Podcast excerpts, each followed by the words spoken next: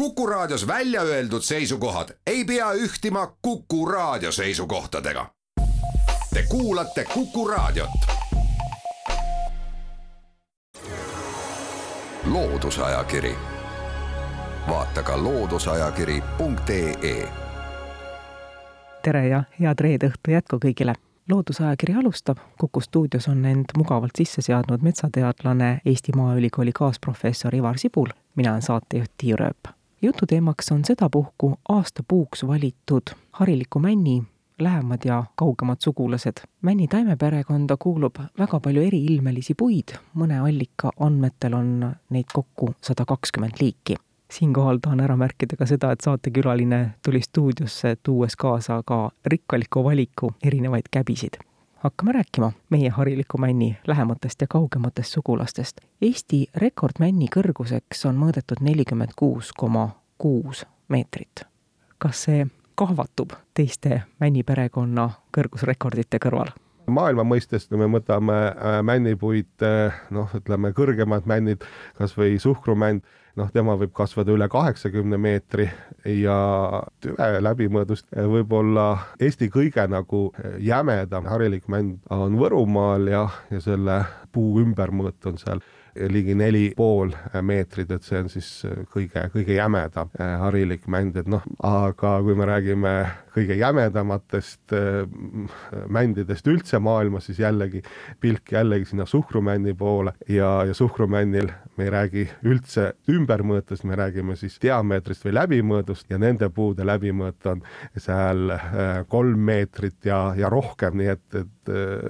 kui, kui me kujutame ette, et kui suur see puu on, aga, aga tema kaaslaseks seal nendes mägedes, kus ta kasvab, kaaspuuliigiks on maailma kõige suuremad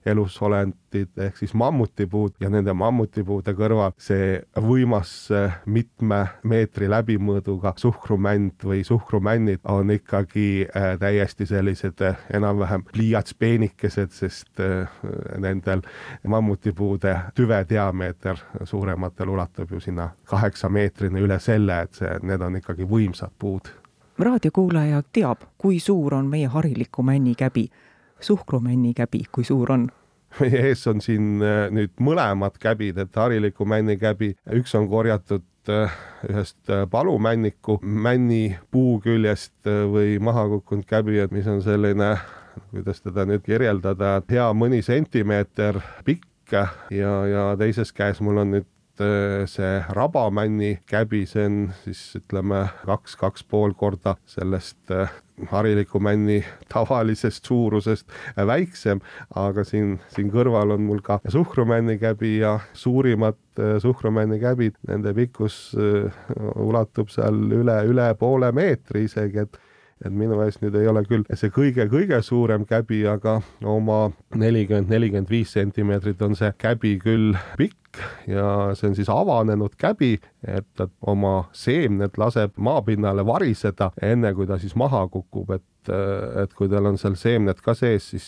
siis ta on üsnagi raske, aga, aga ta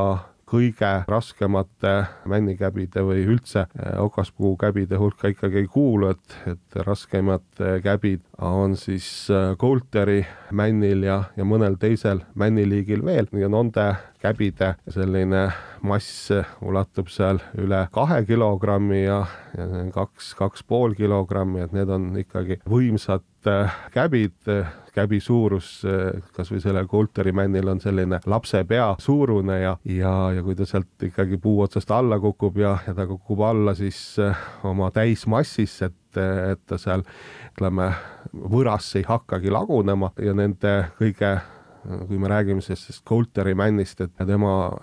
käbis, siis, siis tegelikult, et see käbi üldse avaneks või need seemned sealt välja saaksid tulla, on vaja siis äh, kuumust või metsatulekahjudes äh, saab see käbi avaneda. ta on suhteliselt väikese levikuga või areaaliga liik Põhja-Ameerikas läänepoolses osas ja, ja see areaal on selline katkendlik üksikute äh, puude või puudegruppidena ja, ja viimasel no ütleme, poolel sajal aastal on täheldatud, et see areaal väheneb ja, ja põhjus on, on selles, et inimene ei lase metsal põleda, kui, kui otse öelda, et see liik ei saa seetõttu levida, tal ei ei tule need käbidest need seemned välja. Ja, ja sama, et osad käbid jäävadki kinniseks äh, ja ootavad seda metsatulekahju, seda on ka teistel männiliikidel, et minu ees on siin mõned äh, käbid sealt Põhja-Ameerikast ja üks selline, kellel jällegi on vaja seda äh, metsatulekahju puudutust, on hallmänd ja hallmänd on siis äh, üsna laialdase levikuga põhjapoolses äh, Põhja-Ameerikas väga, ütleme selle pinnase suhtes nagu männid ikkagi hästi leplik, et niisketel ja külmadel muldadel saab ta kasvada. ja see, see hall mänd siis, osad tema käbid siis või enamik isegi võiks öelda,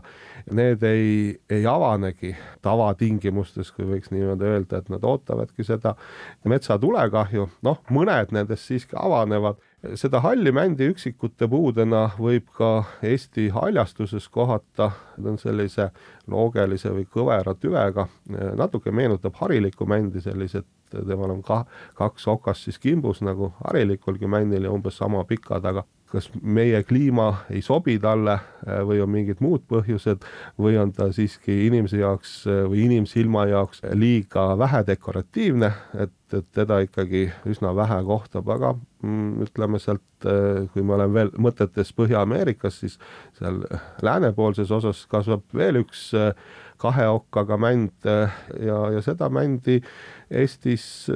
võib ka kohata. Ja temal on samamoodi, et osad käbid temal avanevad, kui see käbi valmis saab, noh, tavaliselt seal teise aasta lõpus. Ja võivad ka variseda need käbid aga osa siis jääb täitsa kinniselt jällegi puule. Ja, ja see on nüüd eh, keerdmänd. vanemas eh, keelepruugis või kirjanduses on teda ka keerdokkaliseks männiks nimetatud, noh, see viitab tema ühele sellisele omapärale, et tema eh, need okkad on natuke keerdus või krussis niimoodi, et selliseid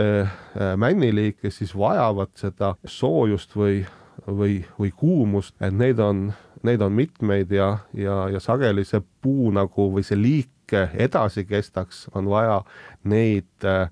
temale äh, olulisi siis tingimusi, et inimese vaatenurgast on muidugi, et, et me kaitseme metsa sellega, kui me ei lase äh, metsatulekahjudel levida, aga samas seda puubioloogiat ei tea, et, et see on hästi vajalik puule, siis me hoopis takistame sellega noh, eh, siit eh, võiks edasi minna nüüd eh, seedermändide juurde, kellel käbid ei avane ka mitte metsatulekahju kuumuses, vaid seedermändide puhul on ju lugu see, et need seedermännid on oma sellise evolutsiooniliselt niimoodi arenenud, et nad on oma leviku või, või sellise arengu andnud hoopis loomade kätte. et nad ootavad, et, et loomad need eh, mitteavanevad käbid siis eh, purustaksid ja otsiksid sealt käbide sees siis välja seemned. ja seda siis loomad ka teevad, näiteks äh, Siberi seedermänd äh, suurtel aladel, Siberi taigas äh, kasvav kena puu, mida meil ka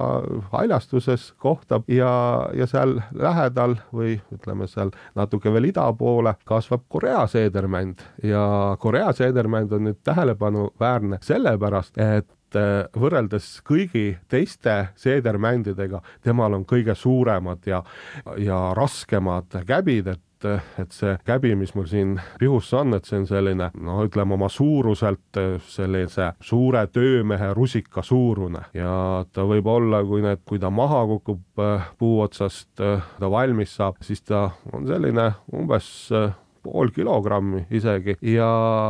noh, tavalised oravad äh, ei, ei lase neil seal vabalt maha kukkuda ja juba enam-vähem, kui see käbi valmis on, siis nad juba hakkavad neid käbisid lõhkuma, aga äh, orava jaoks on muidugi ka see käbi üsnagi raske ja, ja orav teeb siis niimoodi, et võrast ta lihtsalt äh, naksab selle käbi võrse küljest lahti ja see käbi siis kukub sinna puu alla ja, ja siis orav tuleb teda maapinnale siis sööma niimoodi. Ja, ja siis ta peidab neid talvevaruks neid maapinnale tehtud peidikutesse. Ja niimoodi need seedermännid tegelikult, olgu ta siis Alpi seedermänd või siis Euroopa seedermänd, mis meil siis Euroopas kasvab, või siis Siberi või, või Korea seedermänd ja neljas seedermänd, kes seal siis ka Siberis kasvab, on selline põõsakujuline ja see on kääbusseedermänd ja see kääbusseedermänni käbi on siis seedermändidest kõige pisem, et ütleme oma pikkuses Korea seedermänniga võrreldes isegi neli-viis korda väiksem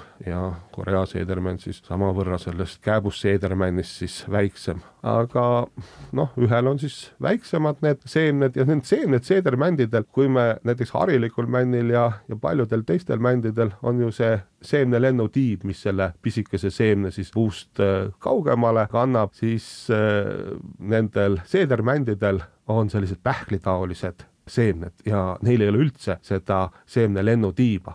et eh, nemad nagu tuule peale üldse eh, noh, oma neid lootusi, levikulootusi ei pane, et kõik on loomade peal ja kui siin eh, sellest meie kohalikust punaoravast sai räägitud, siis loomulikult seal Siberi taigas on vöötorav ehk purundukk ja soobel, noh, soobel sööb nii neid seedermänni seemneid kui ka seda vöötoravat. Ja loomulikult inimesed, kes Siberi taigas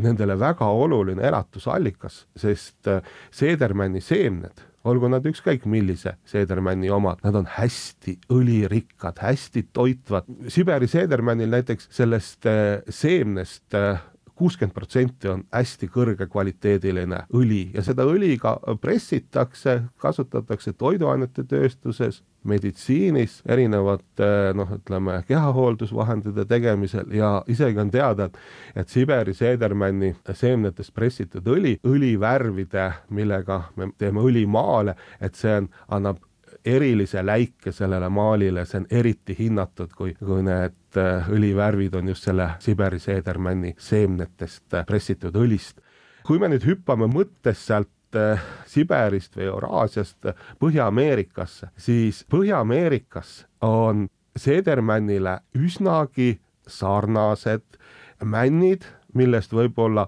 kuulaja ei olegi kuulnud, neid nimetatakse pähklimändideks ehk pinjoonideks. Ja nendel pähklimändidel või pinjoonidel on siis sama suured seemned, kuigi käbi ise on väike, aga need seemned on enam-vähem sama suured kui seedermändidel. Ja ka nendel ei ole siis seemnelennutiib või on see seemnelennutiib hästi selline lühike, mõni millimeeter, aga mis eristab seda pähklimändi või neid pinjoone ja nende käbi siis seedermändidest, on see, et äh, pähklimändidel, kui see käbi valmis saab, see käbi avaneb see teeb väga lihtsaks sealsete Põhja-Ameerika loomade elu, et ta ei peagi purustama seda käbi, nagu ütleme, Siberis peab see orav selle käbi purustama. Äh, see pähklimänd nagu avab oma äh, selle varalaeka, et tule võta ja, ja vii see seeme kuhugi, peida ära, söö ära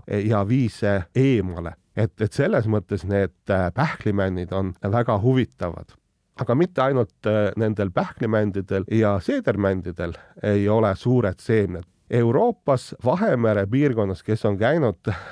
Vahemere ääres puhkamas, on näinud Äh, selliseid äh, noh, maastiku kujundajana selliseid ilusaid vihmavarju kujulise võraga mände ja suveniirina tuuakse sealt nende mändide alt korjatud käbisid, mis on ka sellised üsna massiivsed, suured, tavaliselt on ta juba seemnetest tühi, kui ta sealt maapinnalt leitakse. jutt on piinjatest ehk mõnikord nimetatakse neid ka Itaalia mändideks, aga õige nimi on siis piinja ja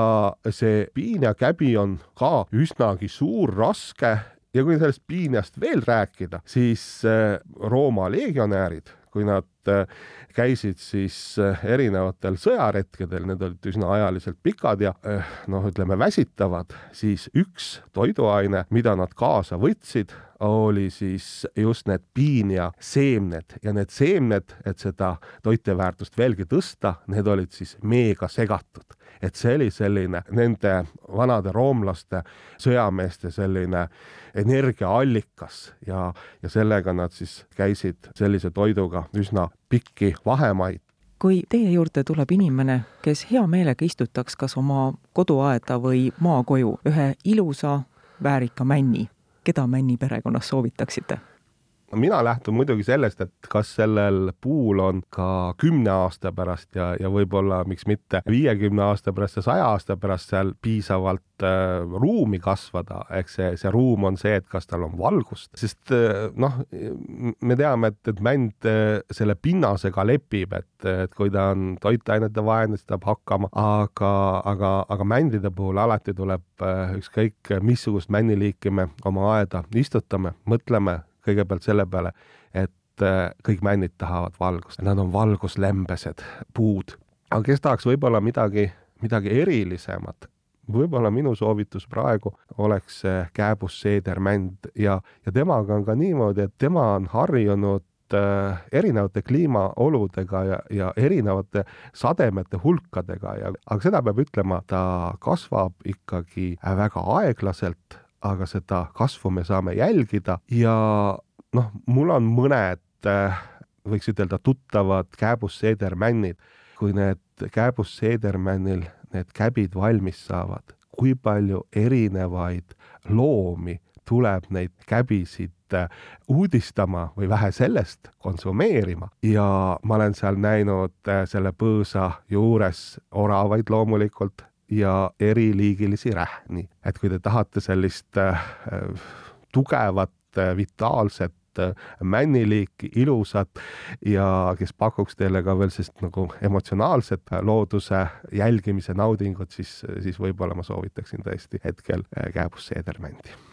tänaseks oleme saateaja kõige viimase sekundini ära kasutanud. Saatejuht Tiia Rööp tänab külalist, metsateadlast Ivar Sibulat intervjuu eest ja kui kuulajates tärkas huvi, kui suur ja kui kirju on Männi perekond, siis soovitame ajakirja Eesti Loodus jaanuari numbrit. sellest leiate saatekülalise Ivar Sibula väga rohke fotomaterjaliga illustreeritud ülevaateartikli.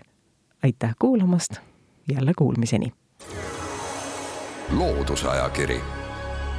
vaata ka looduseajakiri.ee